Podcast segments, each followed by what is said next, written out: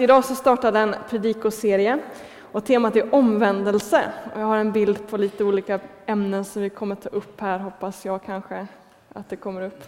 Precis. Eh, och det är fortfarande bara arbetsnamn. Några av dem står i Ryttarbladet som ni kan finna här ute. Eh, eh, det är åtta predikningar och vi gör ett litet uppehåll för diakoniveckan i mitten. Nu kan du ta bort den bilden så får ni titta på mig istället. Eh, både jag som heter Eleanor och Fredrik som är pastorer här i församlingen tror att de flesta människor, och kanske speciellt de som har växt upp i en frikyrka, har en ganska snäv uppfattning om vad omvändelse är. Och vi skulle vilja göra upp lite med det där och titta lite extra på vad säger egentligen Bibeln om omvändelse? Vad säger Bibeln om omvändelse? Det fanns ju en liten kör som man för, sjöng förr i tiden på väckelsemötena som löd så här. Innanför eller utanför? Säg mig, vart ska du stå en dag? Innanför eller utanför? Det var vad allting handlade om. Eh, omvändelse handlar om att gå över den där gränsen. Den här magiska gränsen mellan innanför och utanför. Och den gränsen passerade man helst bara en gång i livet. Råkar man passera den på andra hållet, alltså från innanför till utanför, då blev man avfälling och behövde komma in igen. Alltså omvändelse har handlat om den här magiska gränsen mellan innanför och utanför. För några år sedan så intervjuade jag en pensionerad evangelist. Och han berättade för mig att under hans tidiga förkunnarår så hade han stora problem med ett bibelord i Lukas 22 i 1917 års översättning. Det är när Jesus instiftar nattvarden och han berättar för Petrus att han kommer förråda honom och så vidare. Så säger han så här till Petrus, Jesus. När du en gång har omvänt dig, när du en gång har omvänt dig, så ska du göra det här och det här och det här. Och den här evangelisten förstod inte det här bibelordet. Vadå en gång har omvänt dig? Petrus har ju redan omvänt sig den gången då han bestämde sig för att lämna fisket bakom sig och följa Jesus. Han kan ju inte omvända sig en gång till. Han förstod inte det där bibelordet, den här evangelisten. Men så hände det en del saker i hans liv som gjorde att han märkte att jag som predikant, trots att jag är predikant och en av församlingsledarna, så är mitt liv faktiskt fyllt av synd. Som jag behöver omvända mig från dagligen. Och hans, hans uppfattning att omvändelse är det någonting som man bara gör en gång i livet gjorde att han inte hade sett vem han faktiskt var och inte hade tagit detta med omvändelse på allvar.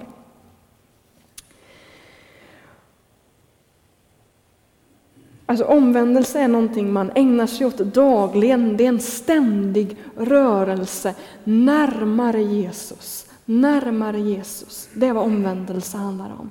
Att gå närmare och närmare och närmare Jesus.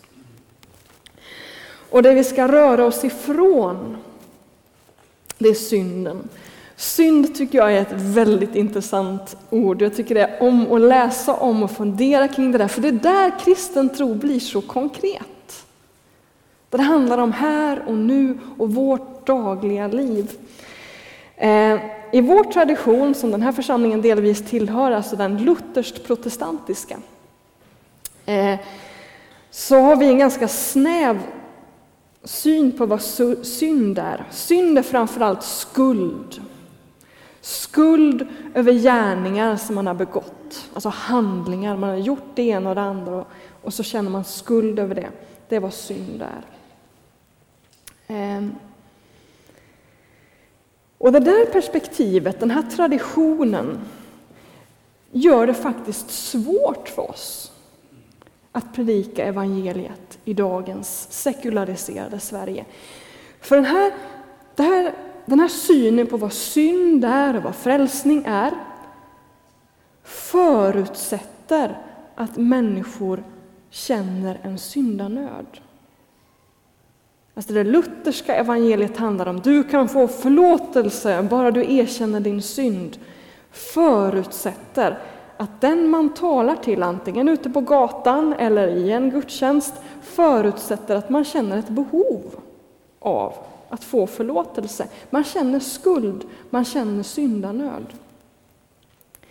Men i vårt sekulariserade Sverige idag så är det få som känner syndanöd och som faktiskt är i kontakt, känslomässig kontakt med ordet skuld. Man har väldigt svårt att förstå det ordet. Man kanske kan förstå det ur ett, ur ett eh, juridiskt perspektiv, alltså som en, som, en, som en handling man har brutit mot lagen. Men om man inte brutit mot lagen, ja men då har man ju ingen skuld. Och då är frågan, om vi lever i ett sådant land när människor inte känner skuld, betyder det att vi inte ska predika evangeliet? Nej, det betyder det inte. Men det betyder att vi kanske måste lägga en del av den gamla retoriken bakom oss. En del av det som, som, på det sättet som Luther predikade evangelium. För det, på det sättet som Luther predikade evangeliumet passade jättebra i en tid då man sålde avlatsbrev och var jätterädda för skärselden. Den situationen har vi inte i Sverige idag. Vi har inga avlatsbrev. Vi har inte den här ångesten över skärselden. Därför måste vi titta på vår tid och så ta ordet och fundera på hur predikar man evangeliet för vanliga svenskar? Det tycker jag är en fantastiskt intressant fråga. Hur predikar man evangeliet för vanliga svenskar, både sådana som brukar gå i kyrkan och de som aldrig är här? Hur predikar man evangeliet? I en tid då människor inte känner skuld. Och nu ska vi läsa texten om syndafallet, som det har kallats, vilket kan man kan fråga sig om det är en bra rubrik på den texten, men eh, vi ska läsa från Första Mosebok kapitel 3. Ormen var listigare, listigast av alla vilda djur som Herren Gud hade gjort. Den frågade kvinnan, har Gud verkligen sagt att ni inte får äta av något träd i trädgården? Kvinnan svarade, vi får äta frukt från träden, men om frukten från trädet mitt i trädgården har Gud sagt, ät den inte och rör den inte, gör, det, gör ni det kommer ni att dö. Ormen sa, ni kommer visst inte att dö, men Gud vet att den dag ni äter av frukten öppnas era ögon och ni blir som gudar med kunskap om gott och ont. Kvinnan såg att trädet var gott att äta av. Det var en fröjd för ögat och ett härligt träd eftersom det skänkte vishet. Och hon tog av frukten och åt. Hon gav också till sin man som var med henne och han åt. Och då öppnade deras ögon och de såg att de var nakna. Och de fäste ihop fikonlöv och band dem kring höfterna. Då hörde Herren, de hörde Herren Gud vandra i trädgården i den svala kvällsvinden. Och då gömde sig mannen och kvinnan bland träden för Herren Gud. Men Herren Gud ropade på mannen, Var är du? Och han svarade, jag hörde dig komma i trädgården och blev rädd eftersom jag är naken och så gömde jag mig. Herren Gud sa, vem har talat om för dig att du är naken? Har du ätit av trädet som jag förbjöd dig att äta av? Och mannen svarade, kvinnan som du har ställt vid min sida, hon gav mig trädet och jag åt. Då sa Herren Gud till kvinnan, vad är det du har gjort? Och hon svarade, ormen lurade mig och jag åt.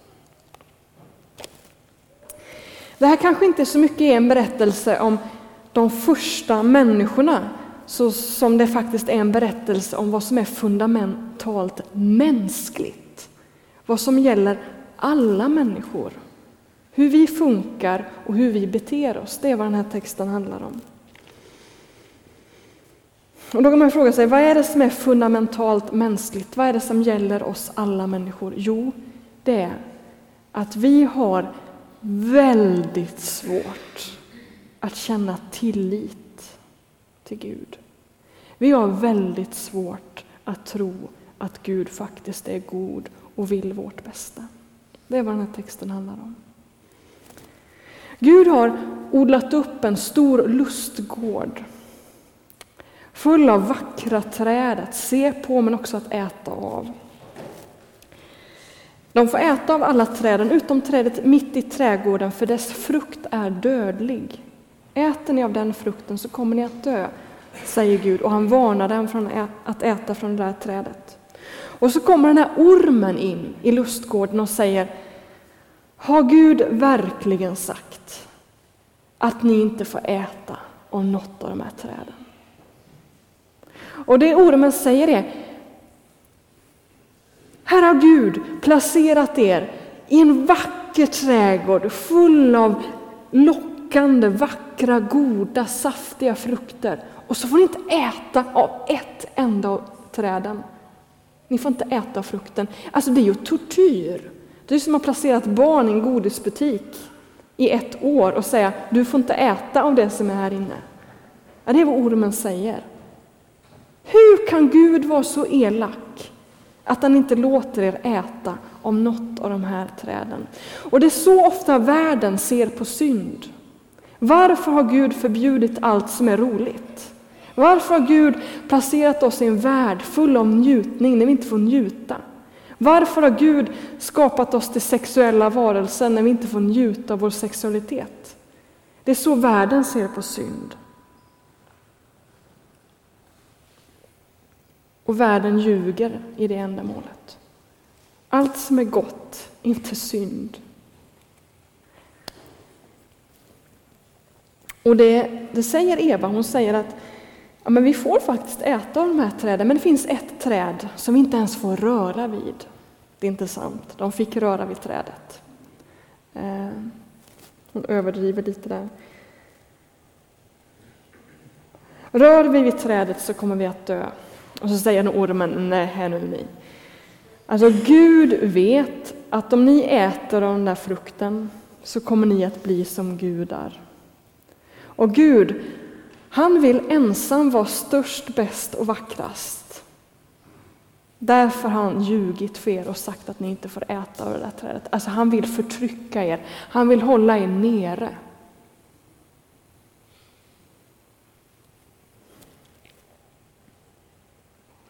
Alltså ormen lurar människan att tro att Gud är ond.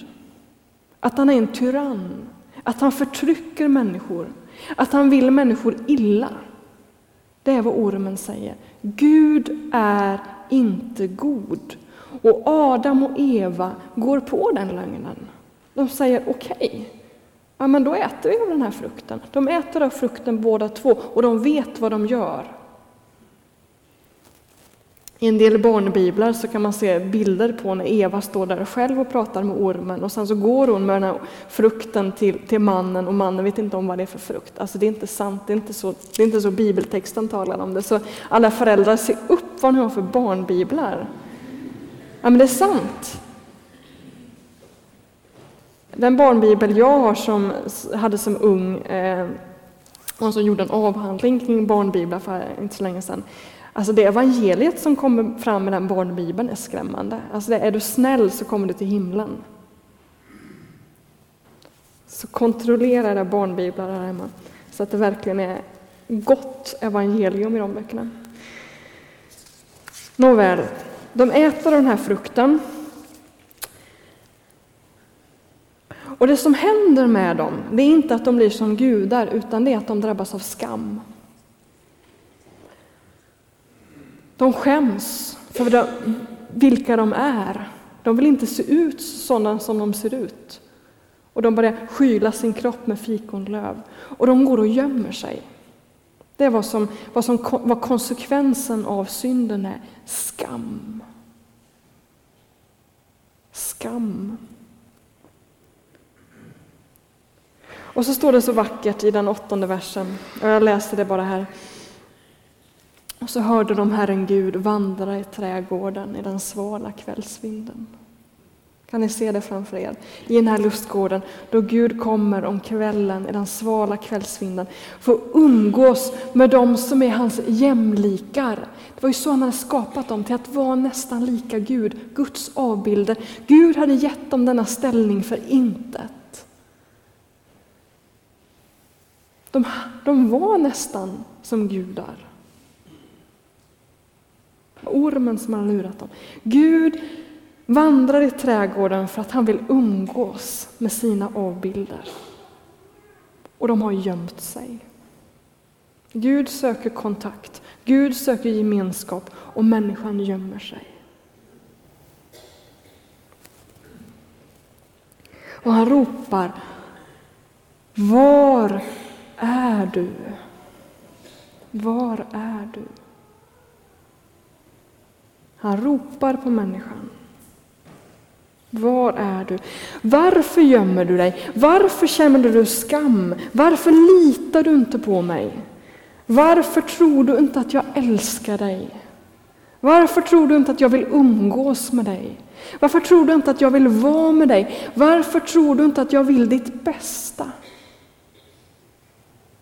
Var är du? I vår tid kan man inte predika för sekulariserade svenskar Kom och erkänn din synd så blir du frälst. För det som händer då är att människan, kyrklig som okyrklig, sticker och gömmer sig. Precis som Adam och Eva sticker rakt in i skogen, skyler sig. För man är så livrädd för sitt eget mörker här inne. Vi har så mycket försvarsmekanismer i oss som gör att vi inte kan erkänna vår synd. För vi är så belastade av skammen. Så när man säger liksom i det första i en väckelsepredikan, erkänn din synd, så säger människan, nej men jag är ingen syndare. Jag behöver ingen förlåtelse, jag behöver inte Gud. Man gömmer sig. Man gömmer sig. En evangelist är en människa som lockar henne ut ur skogen, alltså ur den här busken. Som hjälper en människa att träda ut ur det här gömstället. När en människa för första gången erkänner att jag är en syndare, jag kanske till och med är en stor syndare, det sker efter att man efter en lång tid har umgåtts med Gud och lärt sig att Gud kan jag lita på. Säger jag att jag är en syndare så dödar inte Gud mig. En syndabekännelse kan man först be efter att man har haft gemenskap med Gud.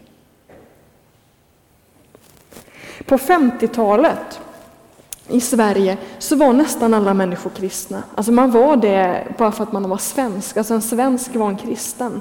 Därför kunde man ha väckelsemöten där man på kvällen liksom väckte upp alla de här sömniga kristna som bara var kristna till namnet. Och det kunde man göra med en sån här syndanödsförkunnelse.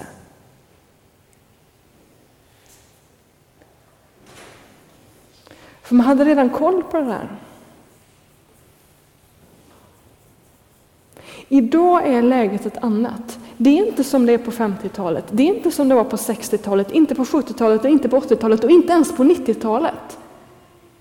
Vi lever i ett helt annat typ av samhälle. Där det inte handlar om att väcka upp folk från en sömnig kristendom, utan det handlar om att locka människor ut ur busken. Och hjälpa människor att våga träda fram inför Guds ansikte och där erkänna sin synd.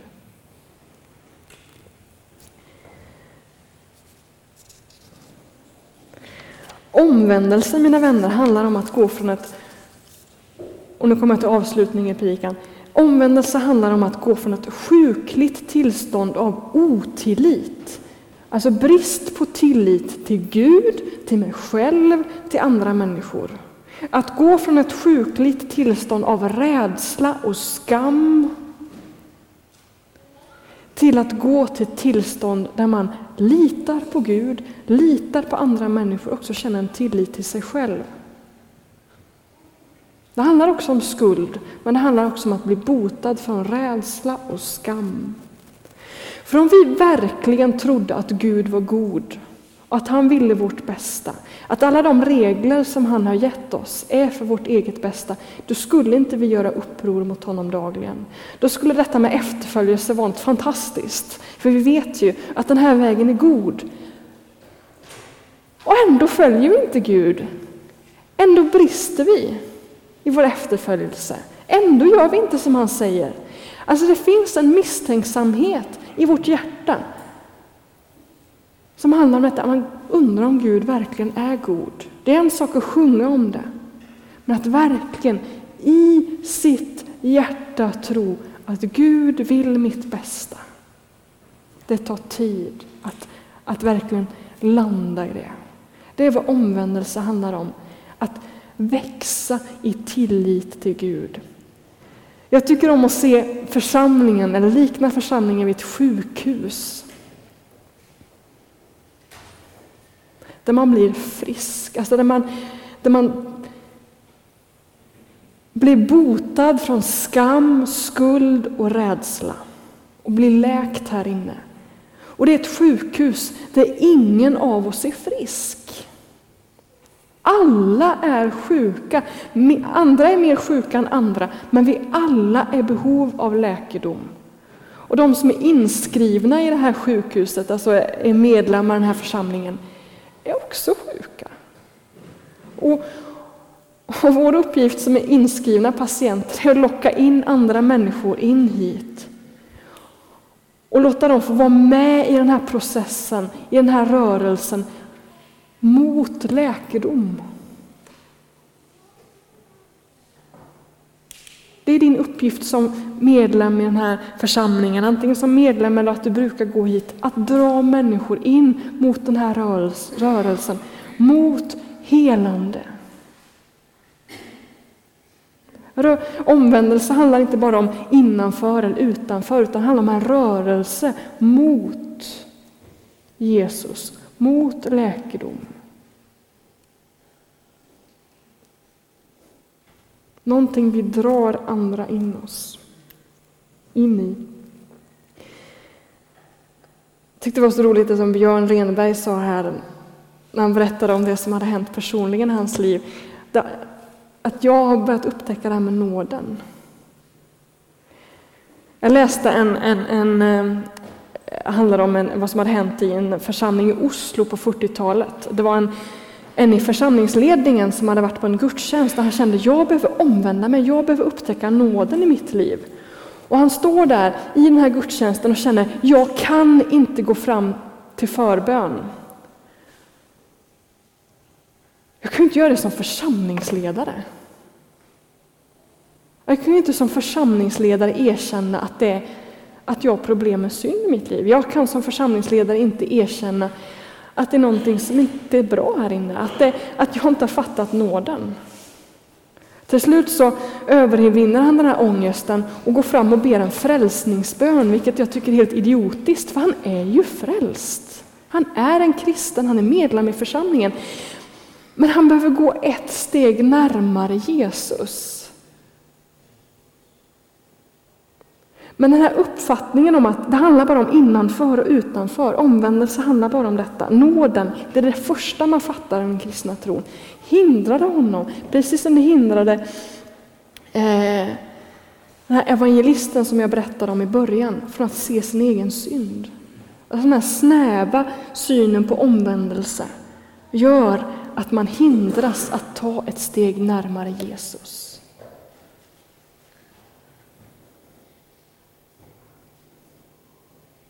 Jag sa, det var ett förkunnarmöte en gång, ett möte för lite evangelisttyper. Eh, och då sa jag detta att jag längtar efter att få upptäcka nåden i mitt liv. Att bli av med skammen. Att få uppleva att jag är älskad av Gud. Och då tittar de på mig och säger, är du inte frälst? jo, det är jag. Och jag vet att jag blir en mycket bättre evangelist om jag är medveten om mitt eget behov av att bli läkt av nåden.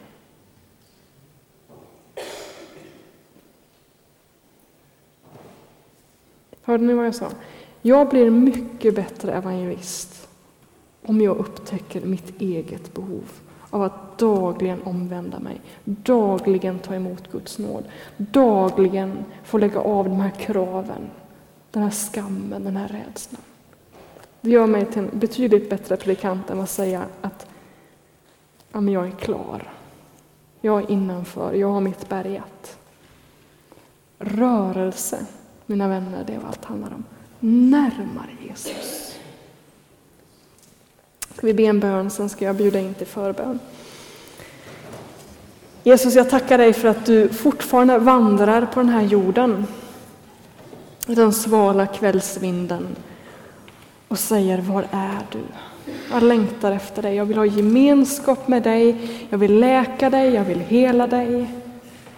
Och jag ber att var och en här inne skulle få lite mera mod idag att våga blotta sin synd, sitt behov av läkedom.